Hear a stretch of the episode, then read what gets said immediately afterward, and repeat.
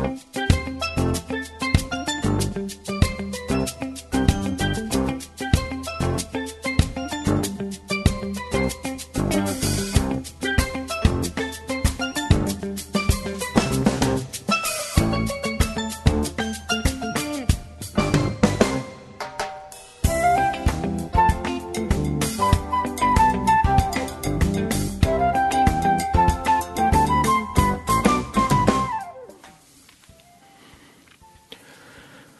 Velkommen til sendingen av Bilgelangt, og i morgen er det jeg Simon Absalansen som er verster, og jeg kan sånn at Einsen er tekniker som er. I første jeg var vidtjen av en gjeste, som vi får halse på om en løt. Men aller først så vil jeg gjerne lese ur profeten Isaias, kapittel 6, velkjent ørender, her stender i første verset, Teari og Josias konger døye, sa i herrens sida og jeg vil høven sett og sløype kapet hans har fyllt til tempelet. Serafar stod rundan om han, seks vonger hei kvør. Vi tøymon fjallte han anleide, vi tøymon fjallte han føtene og vi tøymon flei han. Og tar opp til kvør til annan, heilaver, heilaver, heilaver er herren, god herskarana, at ljørende full av durtansere. Grunden under durastøvn og skalv, ta i råpe ljøvei, og huset fylltest av røyk. Ta seie, vei mer, til utøve mer.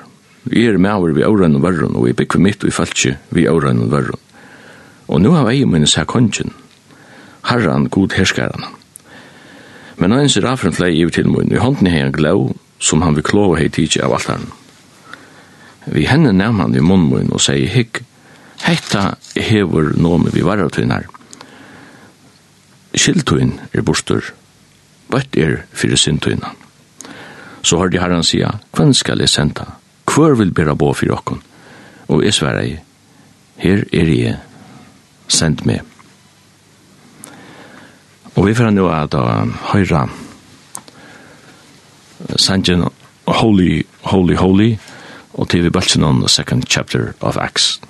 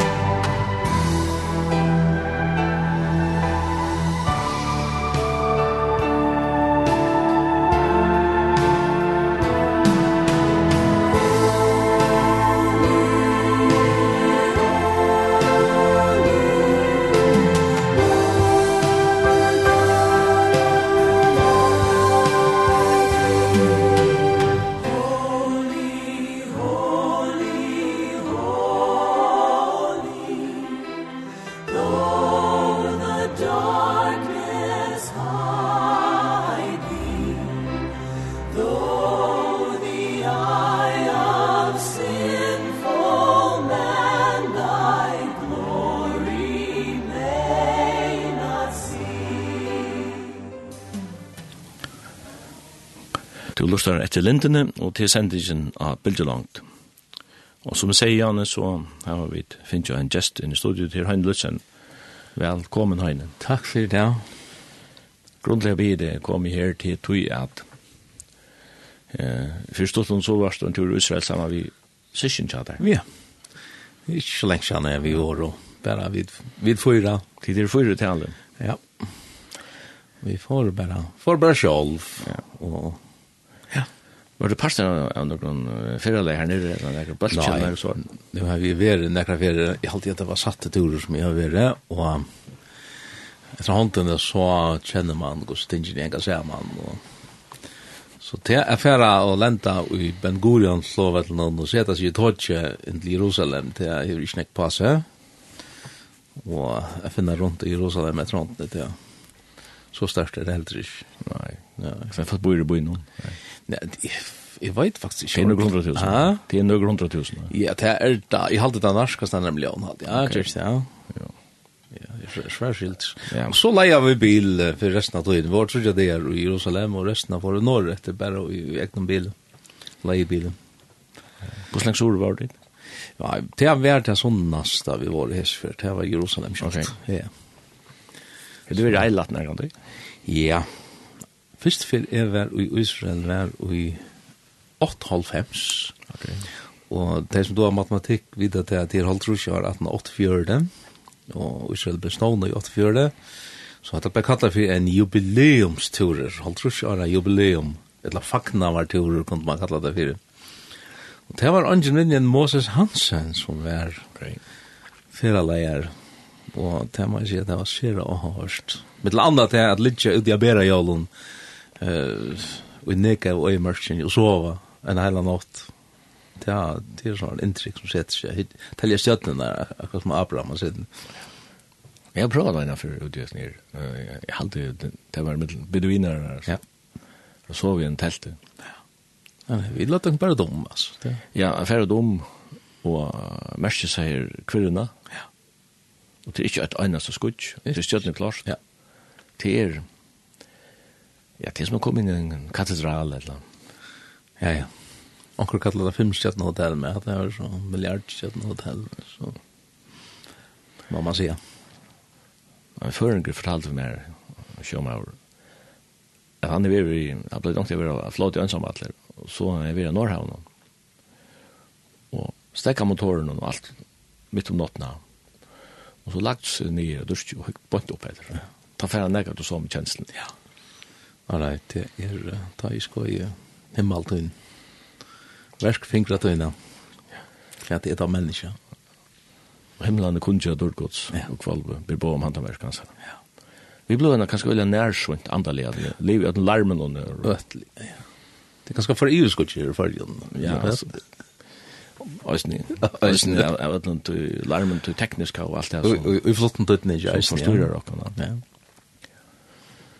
du det en laja bil så du så kvar det var det lunch i Galea? så var vi uh, för norr efter och övernatta och i en by som uh, er tatt vi Haifa norra för Haifa.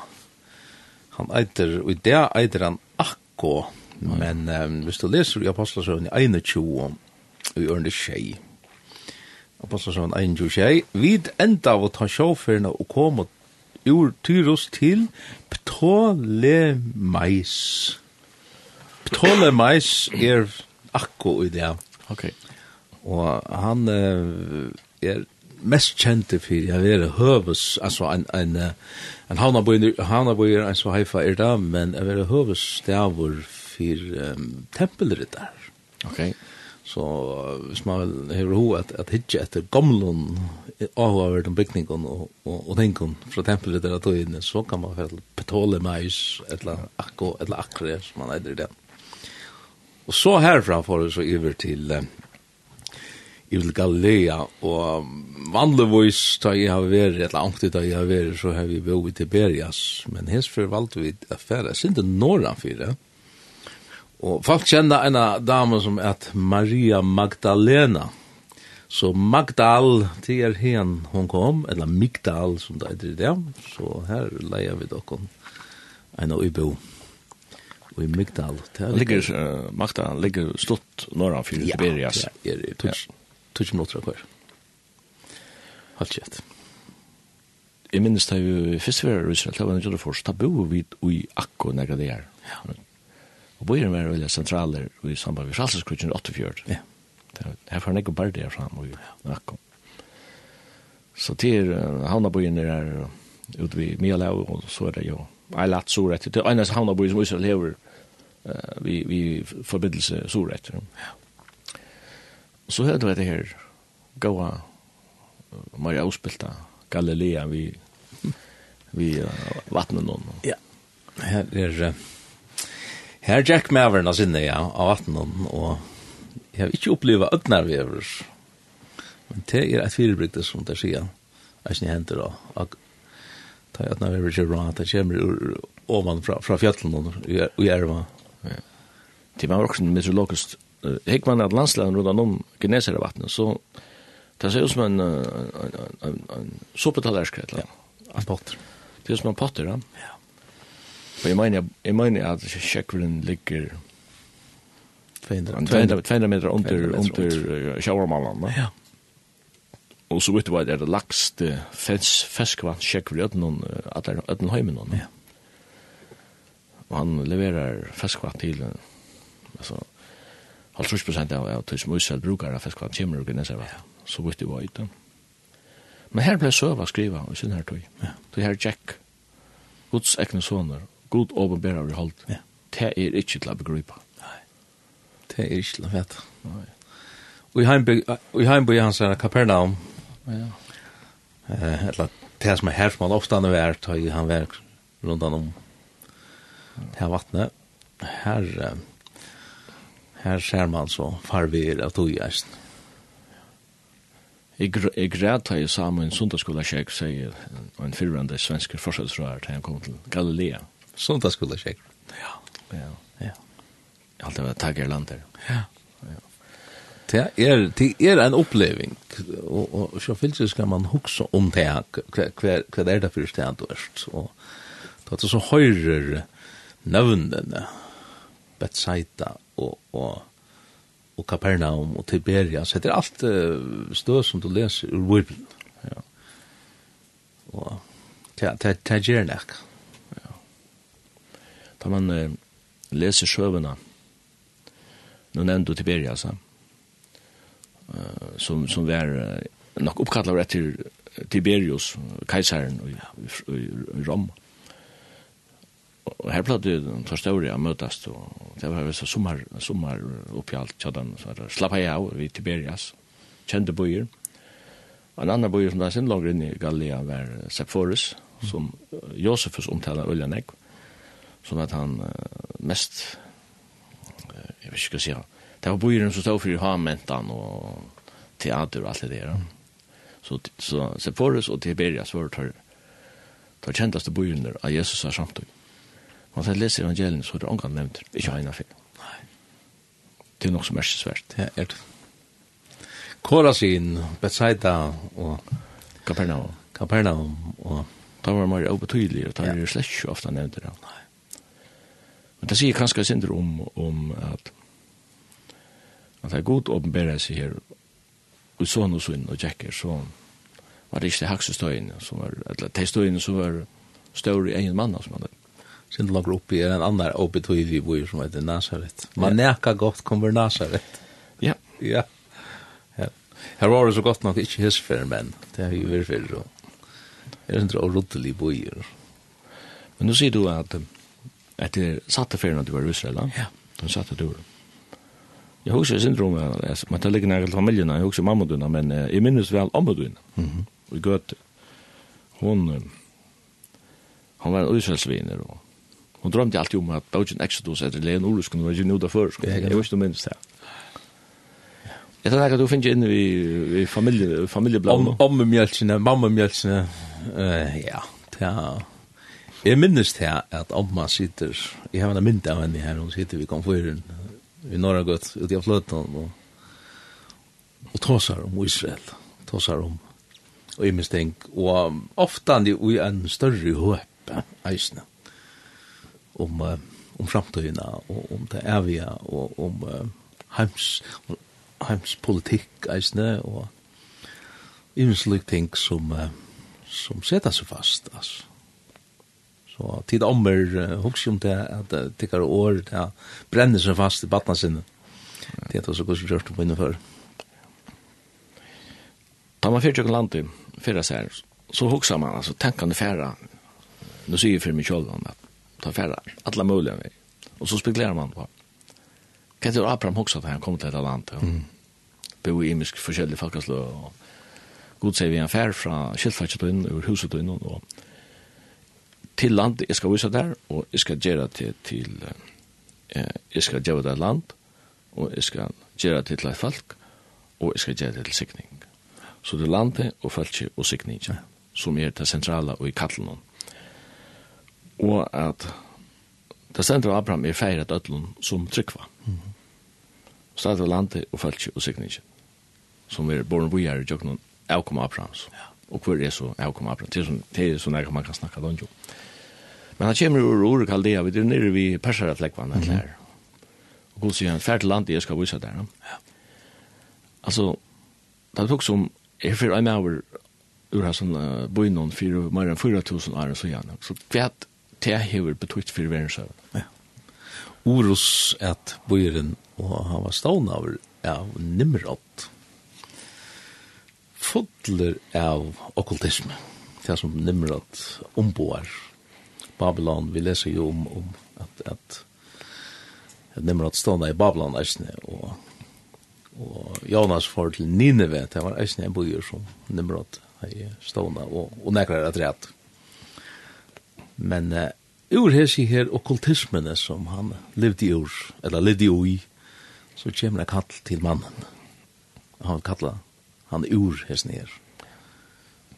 Det, det hever avvirska eller det ta ger en ja det ger också stoff till ett ett tanke så som du sier klart er god uti på hva er det han vil da at mitt og ikke det at han vil vil um, ja hva kan man kalla det kör alle landskapen vekk men ui hesen landskapen så kallar han mennesker urdrift det som var mitt och kallar han ord og det er det som eklesia i sin märke eller det, det som vi vanlig kallar for samkoman, det er det, det året eklesia merke, det er kallar för ur mm -hmm.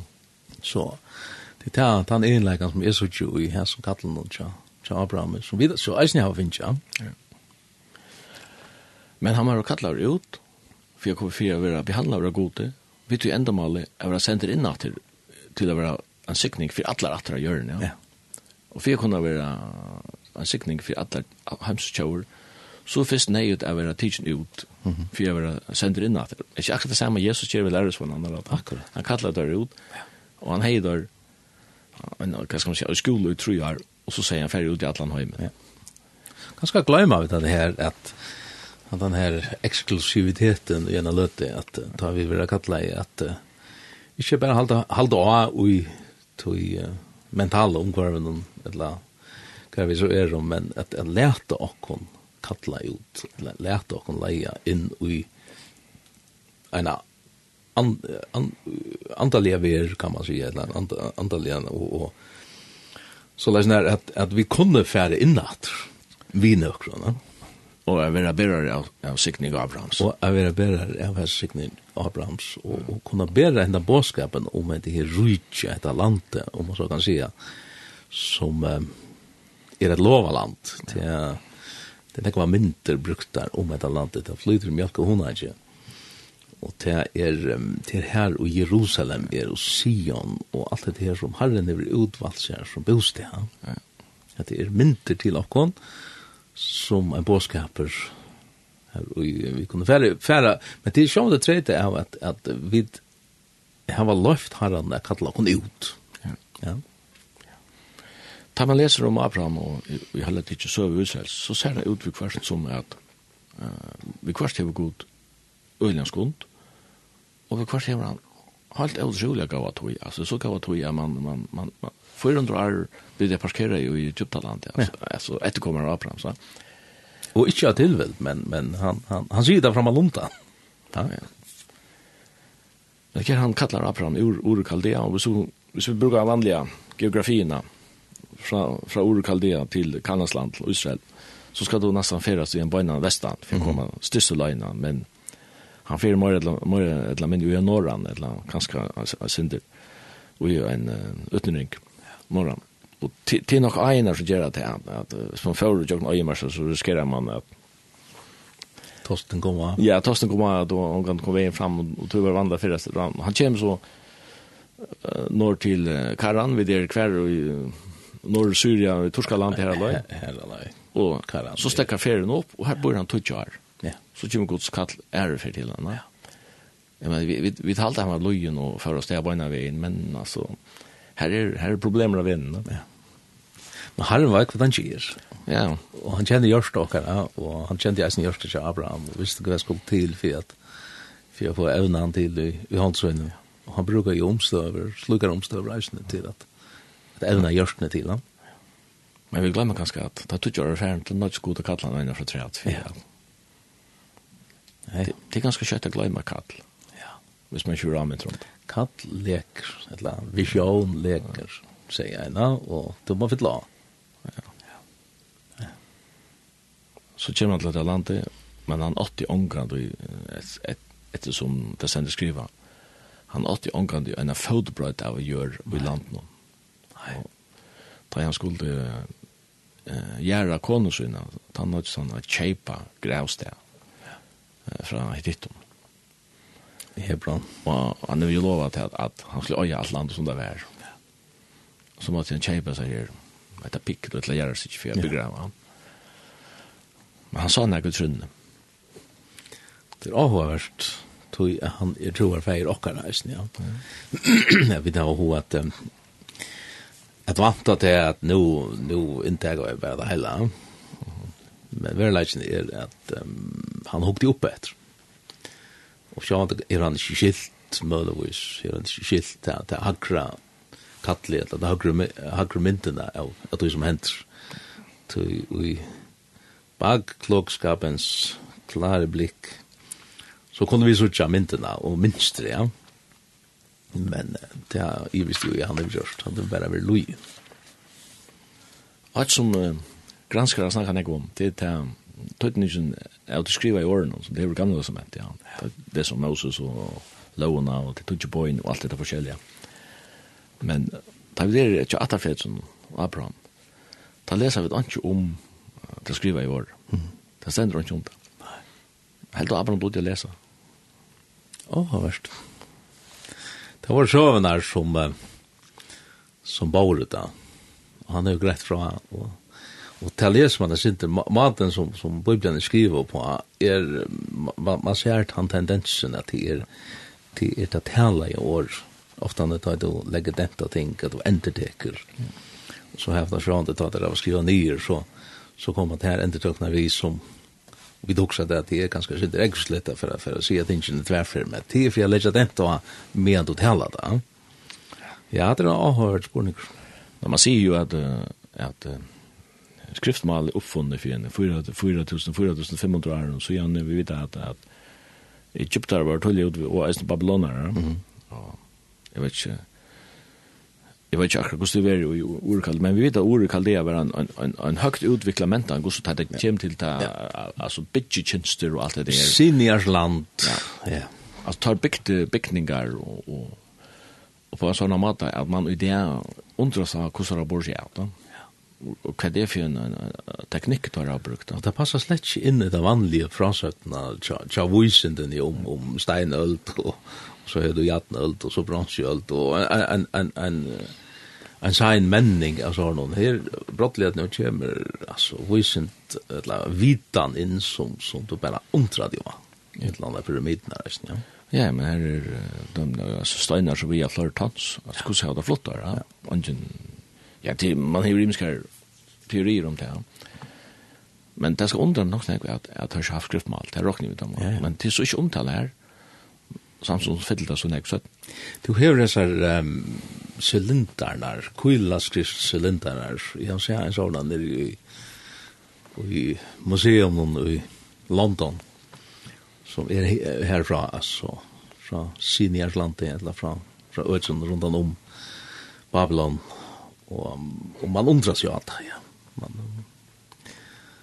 men um, visst du först uh, ut i urgen jeg jag vet inte om kan være inne på det du du du spyrst alltså hur ska akkurat hata på det Uh, en grund till eller annet, ja en grund till att att är valt å för norr efter så han det det är också upplagt för norr efter och tar man det i Israel men vi valde för helt norr och vi imot Hermanfjallen.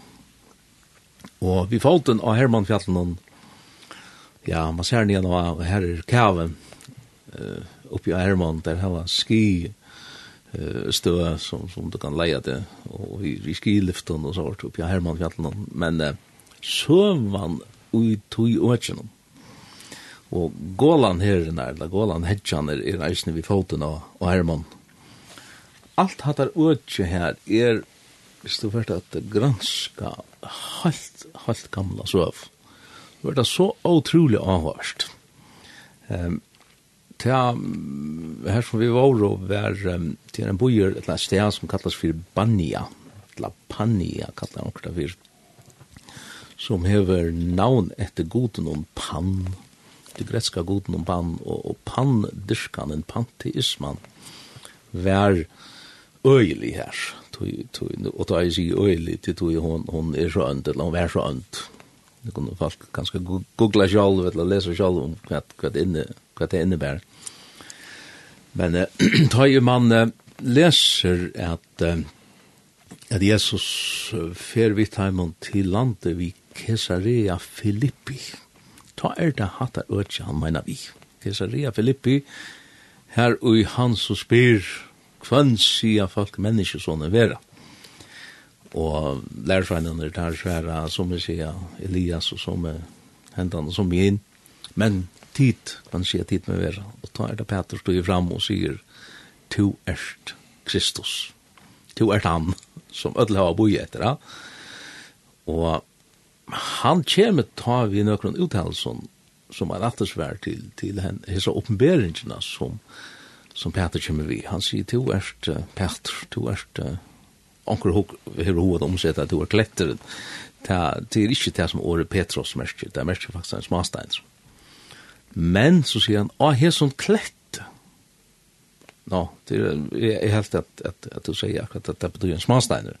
Nei, men det er ikke Peter selv han mener vi, det er ikke Peters kyrkjan heller til, til her der her herfra, men å ha så oppenberingene om at Jesus er Kristus. Han er han som Allar heimren hefur boi etter, eller hva sier, at allar hæsna heimren hefur boi etter, nå er han kommet. To erst Petur, og a hessi oppenbering, eller a hessi kletter skal er grunta mine eklesia, mine samkoma, så sier han ekki avhørst, og postur helvetes, eller postur deia rujtjesins, alt i, at det er omsett av førskott skulle ikke få valgt av henne, altså av samkommet. Og vi var her, vi porter det her, ikke synes. Det går sikkert et sted som dere har valgt å kalle det fire, og om, om det har vært kallet det fire, ta, det, det vet jeg ikke. Men det er et hettel her vi Banja. Og um, Jordan Aien hever sitt, um, sin opprona. Sånn det, det renner om man er fjallet noen så nekv at vi vattnet som er i, i Genesaret og som så fer langere og langere ovan Jøkken Jordan, det kommer jo fra fra hesten her Hoa Fjallen, 3000 meter Hoa Fjallen som er kvitt og ta på noen året rundt. Men uh, jeg vet at hun stedde noen her til sørst til seg ånda fløva fra vi eller hava sin opprona og så også om dette som Jesus sier at parter deg er utsins og, og henne er sagt, du, du stender det her da. Uh, Det er ulle avhørt, og særlig i øren kontekstet tar jeg ut for å lese hva er hent.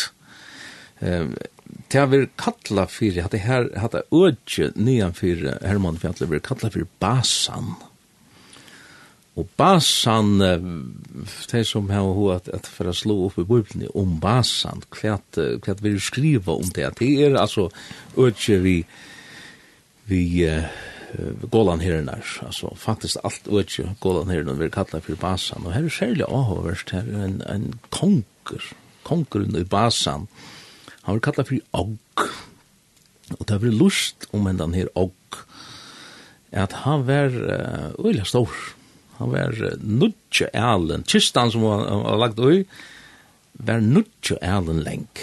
Nå vet ikke om to... Hun var ur Rjatne, ja. Og Hun var ur Rjatne, og hun stender ui, stender den da. Fynte Målsbak, tror jeg alltid, det stender om at det er at, at uh, klær ui hentan her i kistan. Men nudje Allen, jeg vet ikke hva du sier til... uh, Ja. Hvis jeg Allen, det er i halvtrus uh, centimeter alltid, det stender. Så vidt er jo kanskje um, en, en er en fyra meter halvt rush. Mm -hmm. För jag lägger en man nere i en kista som är fyra meter halvt rush. Ja. Och, och, och, och ganska två meter bra, ja. Och så spyr man sig själva, kvärt er hatta för näka. Och, och det här färg så sjående det tankarna är gångt. Och om näka som ständer, som jag är ganska sint inne på, och då det som ständer och i och i uh, första Mosebok 6. Att det löje, löje skriftbrott som er skriva i samband med flowen av Noa. Mm. Her, det stender om hese her um, synergods, som uh, vi har fortolka som etter englar som koma nyer, fallner englar som koma nyer, ja. og det stender i øren samanhengje, uh, det, det stender ikke i bøyblene, men, men uh, at tar komme nyer av Hermanfjallet, just av hette her fjallet som, som vi var vi fått nå, og det passar litt til Det är så syns. Det är sådana traditioner som... Det är traditioner, ena språk tåsar om det, ja. Og, og hesten her, heter ødje her, Refaim, Refaim-mittan er bo her, Refaim-merskjeris, etla, Refaim, hvis det går et emma-tre, så blir det risar, ja, flertalsformen av hebraiskon. Og det var det som vakte mun ahua da vi var her. Da man kjenner sin til tidligere så søvna, kjenner til eh hetta her urslit av hesen her samkvemmen og mittlen hesar englanar og hesar hesar kvinnorna som tar tog sig og ta stendur om det at her fink og nefilimar. Okay. Og jag vet at, at anker huksar at det her er for lengt ute, at det her er eventyr, och at det her gløyma vi bare, eller tolkar vi til okkur anna. Men, eh, ja. Ja, ta åpenbæra, ta har mennesken til, ta dolt har god til. Ja. Som ting er omtala i åttan, at vera omtala i uh, selja nek, kan man säga. Og det er. Og så svalk, da det kom ur Egyptaland, ta møtte der Refa i mitt, ja. og Anna Kitton, Anna var en sånn, sider Anak, så. Ja, men det var det som jeg snart fra innan kanna land, ja, ta, ta, ta, ta, Det var tutsi som var motfallende til det bor i Isarland. Det bor i Isarland. Og Goliat er en risje, og Bajan er Bajan er sånn, han er i fyra Bajan. Tar tar bo her, så. Du, her vi Kisseria Filippi, til det mest avsys, det mest avsys, litt steg som man mener Jesus når han er vær. Ja. Så så länge norr. Ja. Ja. Han han fylltja Jordan ånden igen efter. Men, men her hender det akkurat her vi Kasiria Filippi. Det stender nemlig at at han har tatt det. At han har tatt det. Ta, ta åpna han en, en hemmelighet for et, et landamal fyrrøm som han omgang har fortalt dem før. Og til at han skal fære til Jerusalem og Luja. Det er jo et, et pura, et fullkomlig atterlede kapittel i hans undervisning for lærersvei. Og ta stann vårt er klarer kanskje. At... Ja, men ta finner jo sjokk. Ja. Du tar du bei tar att du ser den her politiska messias befriaren och såna kan Nu knappt involverar han där heter han ska han ska för till Jerusalem och köpa att man ska han ska loja cross day han. Jag skulle väl att Peter tog han så ju så nu. Nu måste ta det samman. Va? Och så är det Jesus som vika från med Satan sedan. Va? Men året det så häver han tidigt där nyan och ett äckligt högt fjall ständigt stendur ikke hva det han fjallig er, men men vil jeg være vi til nemlig igjen av Herman. Ja. Så, så hender det som du sier, han kommer vi. Vi tar seg med Abraham Jane, og, og han kommer til et land, han, er, han, er, han, han vet ikke disse støyene som han er, han bor styrt jo langt ut men Sikhem, Betel, Hebron, Bersheba, alt det her. Men eh, hvis, hvis jeg minnes rett, så er Bare ena fyrir at, at nega samband er ved Jerusalem og løven til Abraham. Det er ta jeg han sier av kongen og at en, en konger og prester kommer mot honom henne som vær som utlandet han bor i Jerusalem og Salem ja. og han kommer og han, han signar han var signar Abraham Abraham kunne ikke leve land utan, utan han mottok sikning så han, mm. han ble jo vel signar Og jeg brev bare tog som det her, at til han som min hever at tøya, som er valsikna, at tøy som møyre hever at ja. Det er, Det er eneste connection er, er møyne at... Her er, her er aller helst en annen, og det er det som heter Moria Fjall. Ja. Ta jo i han for nian, vi, vi synes høynen, og vi hesser fullkomne vinden av offrenen skal, skal drepe Isak. Ja Og da han setter muskelkraft av knuven, ta han kommer en angel og helter remoter, så har han lyst til det. Så den var trygg, så den var litt hegen. Og til jeg sier det, dette Moriafjall er en av dem hedgjonen som er og og, Jerusalem. Så må man til at, at tempelet ble bygd her, av samme sted. Ja. Men at det er tradisjoner. Vi kjører det, vi da, 100 prosent da. Men hese Melkisedek som kommer med Abraham og, og var sikkert han, som som tar som att han var kanske så kalla eh pre-incarnation mm. of Messiah alltså. Ja. Att det var Kristus själv ett land. En pre-incarnation av honom. Ja. Men vi vet att det inte. Nej. Melk Melkut, eller Melki er mersi konkur og Zedek mersi rattvise, eller rattvises, rattvises konkur Ja. Så han var prester og eisne. Og han var eisne prester, han konger og prester. Og hver, ja, vi er ångstendig her. Ja. Han konger er en som hever herredømme, og en prester er en som er middelmøver og middelmøver. Ja. God og menneske. Ja. Sterskar, sterskar myndir. Ja. Jerusalem. Jeg har en sang her som heter, ja, til tvær sanger om Jerusalem. Another holy city, another Jerusalem of gold. Ja Han kjente seg grøysene. Ja. Jeg vet ikke om vi skulle, hva vi skulle takke han. Skulle takke Jerusalem of Gold først? Ja, kom. Den mynden som stendte meg øyelig sterk er um, i 8.5, da jeg vidt um, sent på dagen ut av kvalte køyra nian Jerusalem, og solen er i før vi har sett den. Det er rettelig skære mm. av muren Jerusalem. Ta fær man just han den Ta får vi Holy City. Ta er det Holy City ja. men Jerusalem och gold. Til, altså. til en annen. Ja, til en annan ja. Ja. Ja. Vi kan förhandla, vi kan ja. Nej nej, Kaira Holy City. Nej, det det det samma tanke. Ja. Okej. Okay. Ja. Eh, det är snäcka utgåvor av Holy City. Vi tar en av Ebenezer Kaura. Ja. Vi ser jag kan sån finner han fram så han nickar så han är Holy City. Vi tar han nu.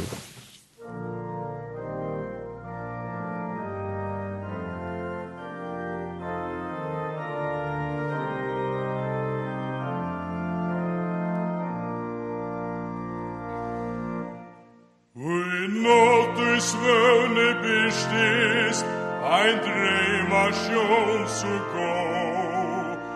Es kam Jerusalem, wie Templi Herr ist du. I holde bøtn i sungo, mer tykte som ta vær. Er ein en glarrødder sendo, av himle atur svær. Heaven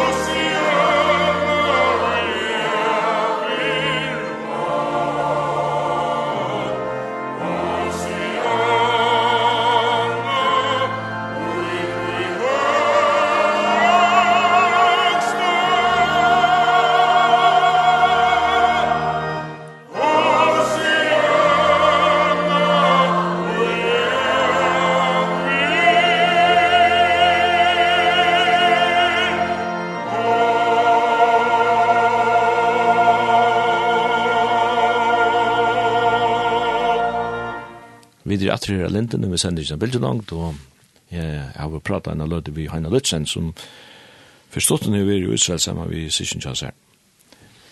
Altså vi kunne jo sammen her at tossa sin video om Heina, ta tossa i Israels, eller middelen det jødiske feltet, så tossa man øyne kom til at man kallar diaspora, den det er folk ikke har livet utenfor sitt egna land, og i styrtse og, og langt tog, ja som har haft en øyla stor avvarskan av jødiske mentana, av jødiske trunna, men det har eisen haft en stor avvarskan at det er høtningar her som der har livet.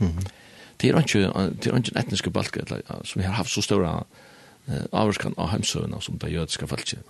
Det er trygg vi enda verslig til sekulære søvergranskar mot Jokon Ratto, ja. Men her har vi døms en en tog hver Israel fer, fer kongadømen. Det er jo om år 1000 fyrir Kristus. Og rydde fyrir tvinnikar. Ja. Det klonar. Ja. Det stendt i fullkomlig kontrast til, til alt det her. Det er alle sikning fyrir alle tjaur, heimsyns og sånne, og så knappliga så, så brustrui og klonar. Og vi får det norra rydde og det sunnara rydde. Og det norra rydde gong til grundar. Ja, 22 og noksan er assyrare. Og det ser ut som det kvarver fullkomlig. Mer vet er ikke spår fra det. Henne kan også om det at, at her, her kvarver egentlig tutsi at det bokstavlig. Ja. Halde du der vekk? At, at, at, at jøtar, eita jøtar kommer fra navnet jota, så nemlig av er ein at av bavun at han som var etter rundt om Jerusalem. Og, og, og hitt, hitt kvarver bare. Men uh, Ja, jeg har det ikke så leis her, at uh, da man leser i året gods, særlig ut fra en omrillen som vi få i Anna Timotheus i 3 kapittel i året 16 og 16 her stendet at ødel skriften hun er inspireret av gode innblåst av gode og hun er nyttelig og tenk til sammenhengen, så er hun faktisk nyttelig til moin så da jeg leser eh mellan anna om diasporerna om om sånt på det här och att ta för sånt och så så så man är sätta vi tam brillorna som ta vaj sätta ända sporten kan ligga ut ja kvart er tant hagre tutniker og jasn her. Mittel anna er ein tutniker at god brukar ofta det som ser ut til å være en katastrofe. Hva brukar han til sikning? Du, du nevner akkurat det Jani om det at jødane, et lesi her, hese som blev sendt i utleggt, de var jo ötlun heimann til sikning. Vi, vi så noen, ja, intellekte og, og, og, så noen, ja, og imskan hatta. Så, så herren nytte hette her, hese borster flytingsna til a sikna heimen vi. Sjolten det ser utlegger en total mistaka. Så bare hatt av prinsippet at jeg er avhørst, at uh, man kan si at vi lustar her det som, ja, det kanskje ser ut til at, at ut uh, løy er i uvillan, men, men herren vet hva han gjør, ja. Mm -hmm. Kan åra rujt blei jo, eller det gikk til grunn der, og det var assyrer som gjør det av det. Var, Ikke babloner, men assyrer. Nei, assyrer, og det var tiltykner barbarisker ja. og, og, og, og, framfyr. og, og, Det er oppfunnet krossfestingen. Ja, det var det, ja. og og romer, og det ble og tann maten at at taka folk av døven på krossfest som helt så fram og kjøkken bablonar og og og grekkar og såna men romer avskaffade metoden mm. til sist. Då hon var for för brutala. Så det er nok så märkesvärt. Men det är sådana rujtju gong til grunn her ta var det bostad, og til til Babylon som her var alt var mer kultiverer enn en Assyrer, sånn men her har vi en øyelig rikve av kjelder fra det babylonske. Babylon så øtliga negva bøker ur biblene ja. er jo skriva rundt om den sættene bortflydingsna tja tja juta og ja, Jerusalem, det er valgkjønne her, mitt landa Daniel, og, og så det er alt rundt om Esra, alt rundt om Ezekiel skriver her, Ezekiel skriver her, og, og Jeremias, og, og du har jo alle disse profetabøkene som, som største alle som vi skriver her, anten bant og æren, eller rundt om, eller ui, Babylon. Men det er som du sier, at, at katastrofer vil være vendar til nekka gott. Og, ja det er at det er en øyelig avhåverd tanke, eisen tar jo, det er noen folk som har tendens til at uh, seta stora spurningar, hvordan kan en gåver god, og så kommer det vi omkring døvene, og ut fra søvelig, bibelsøvende kunne vi sija, jeg tar vita vi ikke for nattana. Ja. Vi trutja, vi har som fyrir noen sikningar, Israels 18 og, og, og til at Israels rujtje så er horve og i ödlese tusen årene, inntil fire, fire, ja, hva er det nå, uh, ja, så, så gjerne 84, ja, 84, 85 år, så gjerne, ja, så også man at det her, at det er, at det er katastrofer, altså, at det her, at det rydde er vekk, men, men, altså, god veit hva han gjør. Ja. Og da vi leser om åpenberingen, så sykjer vi det at alle talvattene er terror, det popper opp av det her. Inklusive Dan, ja. som försvann ja ett band kom in med an som försvann. Eh tror jag att det är en avsövar runt om det som folk kan läsa själv. Men hon är vi. Man kan se bara så mycket att hon om tingen kvarva och i människa är ju vi skulle spara dig. Ja, så betyder det att det är veck och gott sig. Ja. Jag var ena för i Torskaland. Så minns vi skulle en en bildur buss ut bussfär från Istanbul allt det där var det var Schmir. Mm til en dagtur til Efesus. Mhm. Det var nok så ha tur. Efesus ble at det var en og så rakte på. Det gjør til noe ganske årsøkning til at, at det gamle Efesus er så vel beværet som det er det. Ja. Og vi sette en guide, mye av har det som fortalte jo hun, med landa om at det var, at det var rettelig att tøyende stå fra bøyblinde, som mm. nevnte han. Og at det var muslimer som var Og så sier han, Ja, hvis tid vil han vitja et bøybelsland, så skulle du komme til Torskaland, ikke til Israel, men hette er et, hette er et virkelig bøybelsland til du kom til land. Man kan så ikke bort, bortforklare det at, at det er altså bøybelsdag å komme til Efesus. Det er det. Og så nevnte han at, at her har han selv eh, Johannes apostelen bo i tror og så var han der, ja, Maur Jesus er døy i Efesus. Mm -hmm. Og så har vi for skriften vidt at Paulus var her, og et av, et av brøvene i nødvendig er Efesos brev, ja. Fantastisk brev, altså. Så tar man um, hoksar med det er at jeg skal gjøre, jeg skal gjøre det til folk, jeg skal gjøre det til et land, og jeg skal gjøre det til sikning, for i alle rette hjørne, så er dette noe som, og på en måte som er nødt diaspora, som hender i nødvendig, ja. At det er sikninger, vi har brøtt der ut. Ja. Og det var jo forfølgingen som gjør det til at, at det ble brett ut i alle verden. Ja bæje sjá de romvejar ui i ui Israel da ui te mot flutja men i sin sætne altså vi synes søkja ta enda i ui i tøyene, da ui ui trobåten kom det var jo forfølgingen som gjør det til at at disse båskapene ble brentet ut i ratla verena til det flytta. da og ta vi ta vi sitte i følgende der og og og man kan si, nøyda sikningarna av en åpenbering og sånt så er det vel en sikning som stavar fra en her diaspora, kan man si. Ja, ja. En utlegg. Jeg følte jeg så, jeg var liva, og jeg øtta for sin liv, at, at jeg missa sitt liv, fyrir jeg satt rundar som det som Det hatt, til at vi kan njøda godt av det, altså. Det som var spjatt vi forfylkingen som største Stefan, de får gjenker rundt, og de predikar evangeliet alle sen. Ja. Og det er brødst ut. Ja. Og, og at det her, vi halte at det sier så negg om, uh, det at det er, ja, det er et hotekst som vi kallar for krossens evangelie.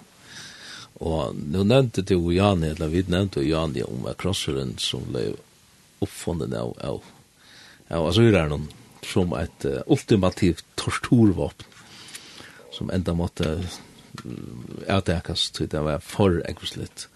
Krossens evangelie, vil det kalla fyr, og, og ofta ser man just det här att det är jöknon lojing, det är jöknon om man så kan säga, i eisen i flottan tøtning, i jöknon deia, deia til okkon sjálf, mm.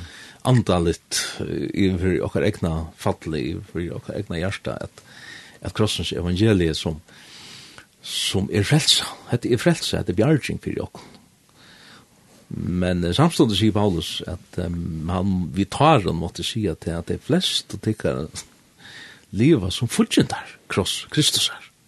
De vil ikke fære han da veien, da. Og det har alltid sier nok nek til okkar i det, at, at vi, vi godtek ikke lojing, vi godtek ikke, vi, vi vil jo hava, henne har sagt, herligheten da, og det himmelska og alt det, ja. men, men hin sujan av, av medaljene, hon er her, og hon skal være her.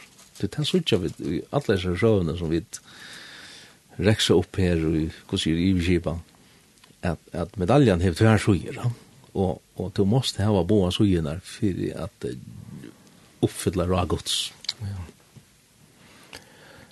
Nu sier apostlen om sitt egna folk, jødene, at uh, han bærer på henne kvöl.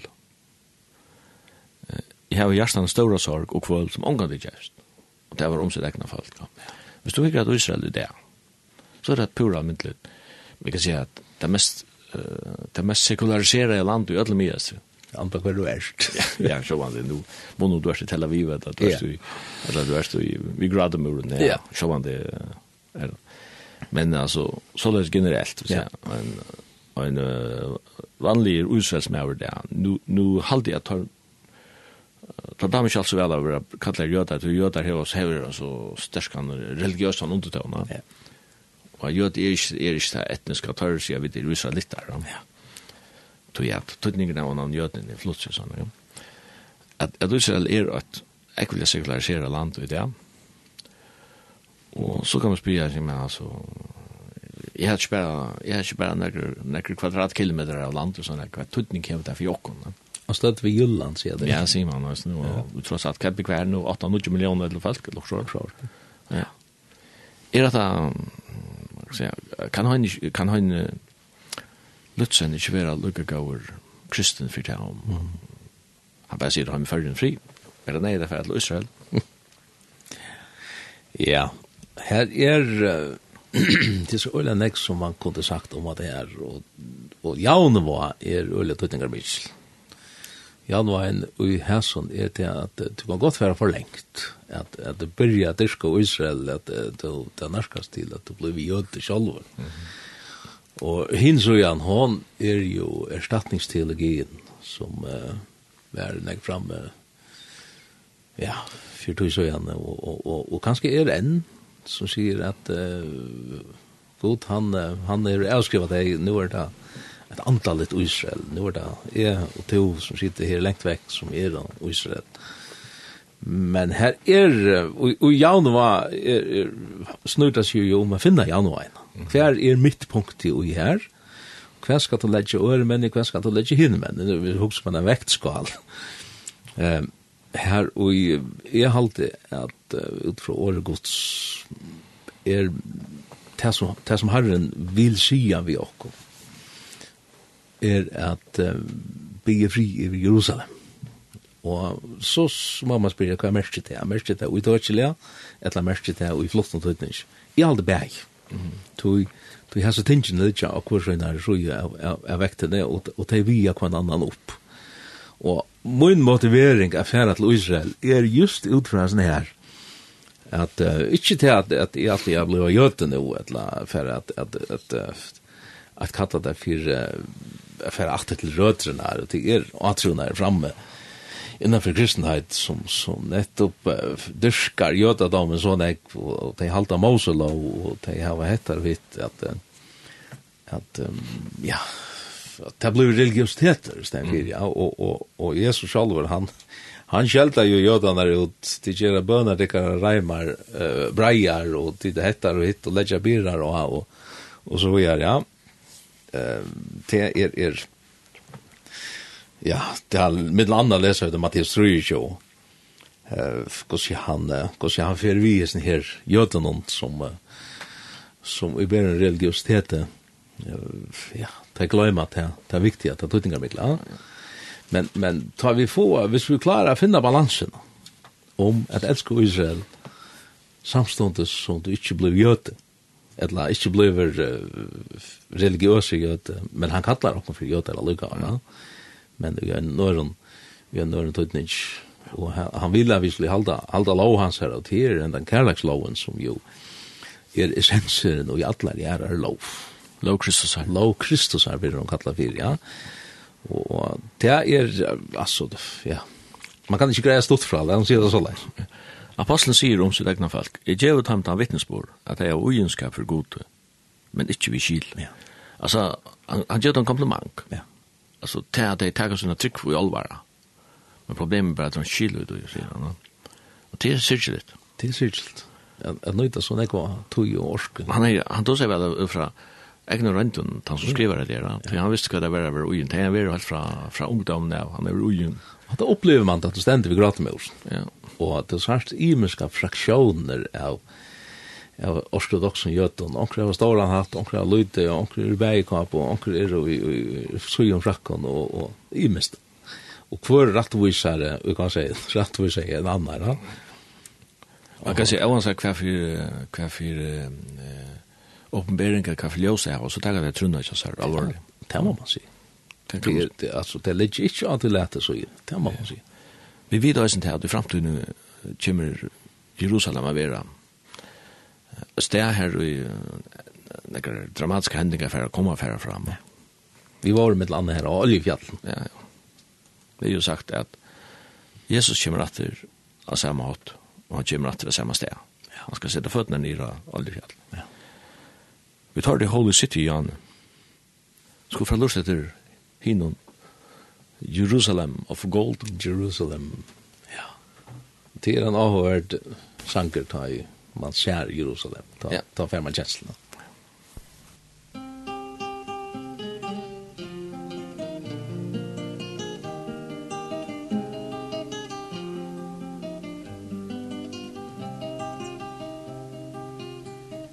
Afir هريم تلو الكايين ورد יישא ברוח הרביים עם כל פעמונים ובתרדמת אילן ואבן שבויה בחלומה העיר אשר בדד יושבת ובליבה חומה ירושלים של זהב ושל נחושת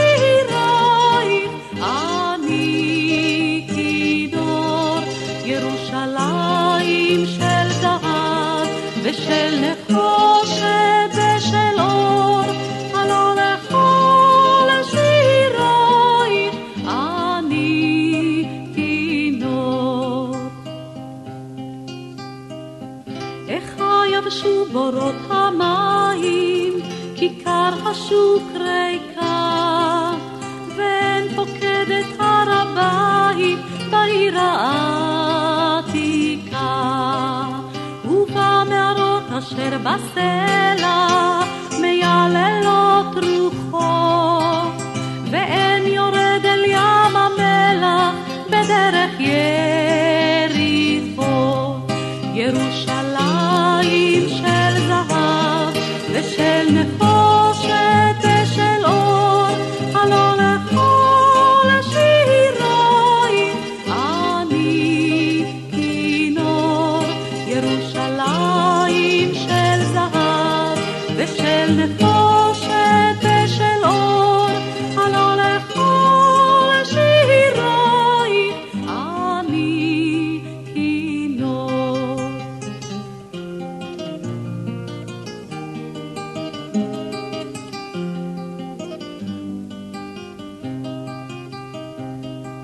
אך בבואי היום לשיר אליו ולך לקשור כתרים קטונתי מצעיר בנייך ומאחרון המשוררים כי שמך צורב את השפתיים כי נשיקה צהריו אם אשכחך ירושלים אשר כולה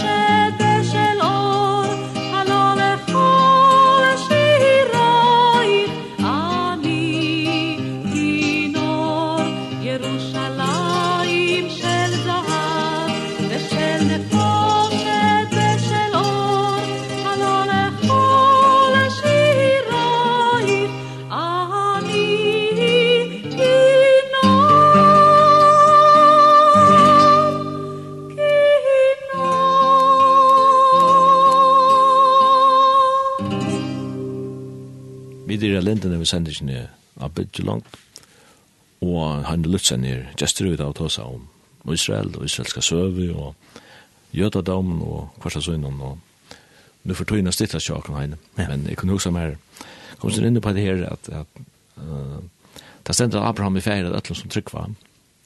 Troar feir. Ja, så spekulerer man, hvordan blir man så, et baden av Abraham. Jeg minnes av en søve som John Lennox fortalte, han, ja han satt i en, en recension eller hva det var, og pratet vi et, et ekte per, jøtar. Og så sier han, og så sier han, vet jeg, I am a child of Abraham, sier han. Mm -hmm. Og det han flent, det protesterer jeg også, du er ikke, du er ikke baten Abraham, sier han, du er ikke, du er ikke atter fra Abraham, så så forteller han for dem at Abraham er feir av dem som trygg var. Og det, det var ikke noe som de kjøpte, det var jo den, den biologiske linjen som hei tøtninga. Ja så sier han vet jeg, men hva er vi Ishmael? Er han heller ikke sånn Abrahams? Da blir det løsende avsikker. Så, så sier han, jo, men uh, han heier, det skal jo mamma da. Ja. Så det er han. Han heier godt nok Abraham til feir, men han heier ikke Sara til mor. Og, så sier han, ok, let oss glemme Ishmael, let oss takke Esau, stein fire hos vi honom, han, han var jo soner Abraham og soner til Sari. Men uh, han stedde skokkanen av, av Jakob, som at han utvalgte. Da begynte jeg Da begynte det at uh, spekulere sin til seg igjen, og det begynte jeg å bli løsende kompleks. Man kan ikke bortstå fra tog at, at, at den løyfrøyelige, den biologiske linjen har tøtning, Men uh, på tvers av sånne her kommer det ja, her som heter andal, andalet avkom, mm -hmm. hvis man kan bruke det i året. Og Johannes Løyberen sier jo i gjør er at det må man setter ikke røysa det kunne av til bøtten Abrahams.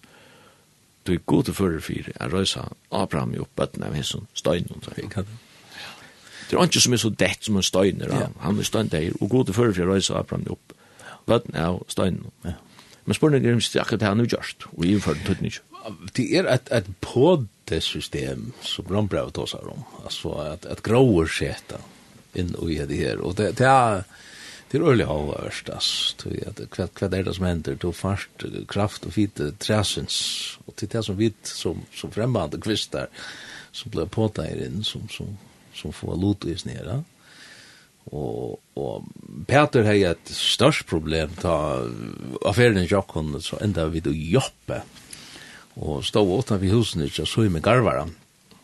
Og sinne så, så får Peter opp at hætje her, og han ser en nasjon just utfrøs ned om, om, om hætninga, hætninga forholdet her, og alle møvlig jaur er og en som dutjen, og, og har herren eller andre sier vi han drev på etas. Mm. Og der sier, han, nei, aldren er som ratter jøde kan ikke være et av året enn jord. Det var skridjord, resten. Og skridjord og alt mulig som vi leser og i lenken linjen og i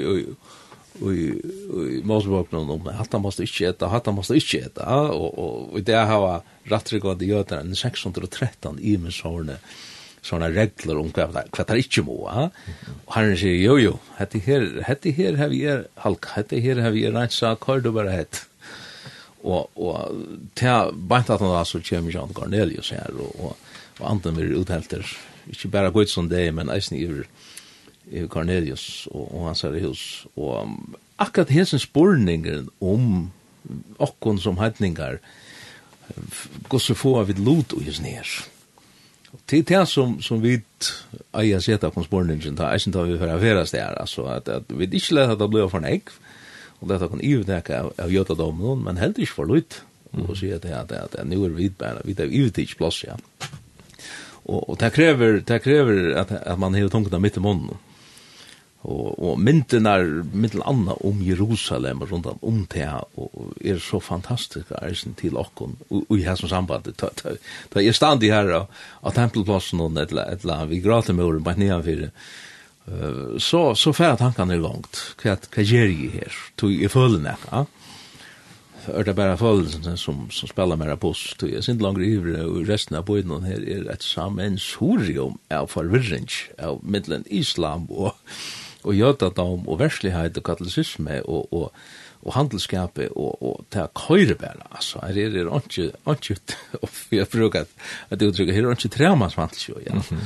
ja, ja, til en soppa, og så er det en terroraksjon ångstan her, og så, så kommer det her og spoler blå vi opp at og så, så fortsetter, ja. Uh, og, og her stender man så og undras, ja, Jesus, altså, god, hva, hva, hva, hva var det du atla, ja? Og mitt landa, jeg kan gjøre halvkjøtt, ja, men, men i Apostelsøvende 15, diskutera det just hentas spårningen her.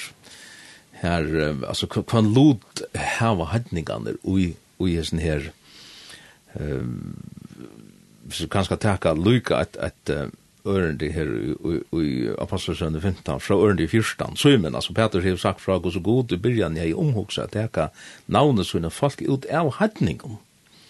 Vi hetta samsvara år profetarna som skriver er, etter hetta skal det komme atter og ender reisa fallen og kjaltbo Davids. Ahvar. Ja, tofter hennara skal jeg bygge opp og reise henne opp atter, for at lauten, ja, jeg hva ahvar står, lauten av menneskjon skal søke herren, atler hætningarna som navn mot er nevnt iver, sier herren, som gjør etter. Ja Og hatta var, hatta var år som kom til mig da jeg stod her i vi av Sion, til er av sånne sjø og eisen her hedgen som, som Jerusalem, den gamle bojamarsen i bygder og Det kallar for Sion. Og det var her og David inntog um, hendan Jebosita stegen og gjør det her David steg og, og, og kom atter vi ørkene som hei vært utleggt og gjør det et et tabernakel, et eller annet kjaldbo her i, her i det her, og man så kan si at tuttningar miklasta møblemantje i tabernaklen ble sett inn, mm -hmm. nemlig ørkjen kjolv. Og rundt om her var lovsanker fyrir tøymar og døgn, og sera sera og ha verst. Og hette her er det som skal endreisast, sier han. Og at det her må vi så ikke etter hva man hetta mest fyrir meg. Her vi er lot og hesson kallen noen som er som hedninger, hevi vi lot og her som kallen og kan lotak og hesson her, her som stjernon, her som sion. Det er øyla, øyla avhørst. Du sier her var lovsanger, og det jeg kjenner uh, uselskan tonleik, han er rettelig latter. Ja. Ja. Her er en sanger som heter Hava Nagila. Ja. Lært å konfektnast, mest det. Det er tidser salmen, ja. Ja. Men sen glädjes vi en glädje og syrje för dem som sörjer att lov er jo, det er svartjar fra, glädje til sorg og sånn, ja. Men det er också en, en, en konst at, at leta sorg, nej, läta glädjen komme til uttrykk. Ja. Samma vi bra. Det här vi er ofta en undrar mig att man er i Israel at, at de, de dansa, og, og händer og de brukar det i mycket forskjellige vimplar och allt sådana flögg og sånne, Ja. Och, Det är uttrycket där och lite onöjsnu. Vi var til enda bar mitzvah med en annan til, om man så kan säga konfirmation där så att det är det är akkurat vad handlar om. Alltså, känslan för för oss måste ju fruktspel. Ja. Det er kanske passar att höra mentan just nu og kanskje ligger några nye bond ute i förska kulturen og så skal ska samla på andra. Mm. Ja. Men eh, vi får enda her, ända här än för for at du ville komma här. Tack. Och jag vet inte när du rett til Israel men Men jag vet, det var så tog en visa. Onkel platt jag säger nästa år i Jerusalem, men ja, det var inte så. Vi får at høyre en sangen som heter Læt okken glädjas eller hava nagila. Ja. Takk för det. Så tack.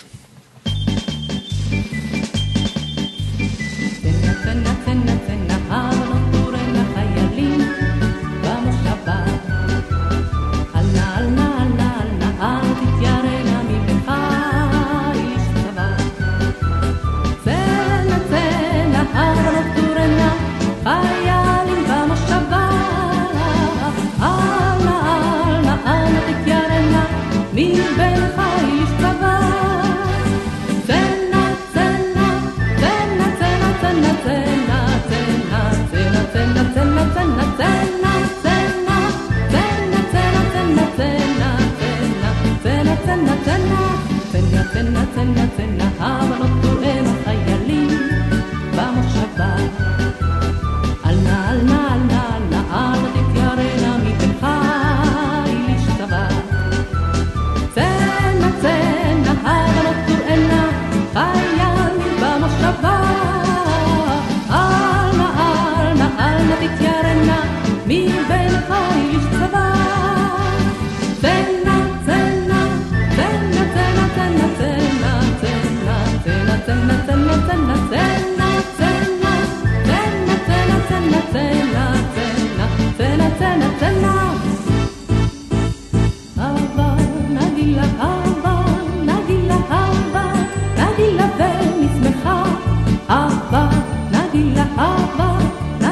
alvar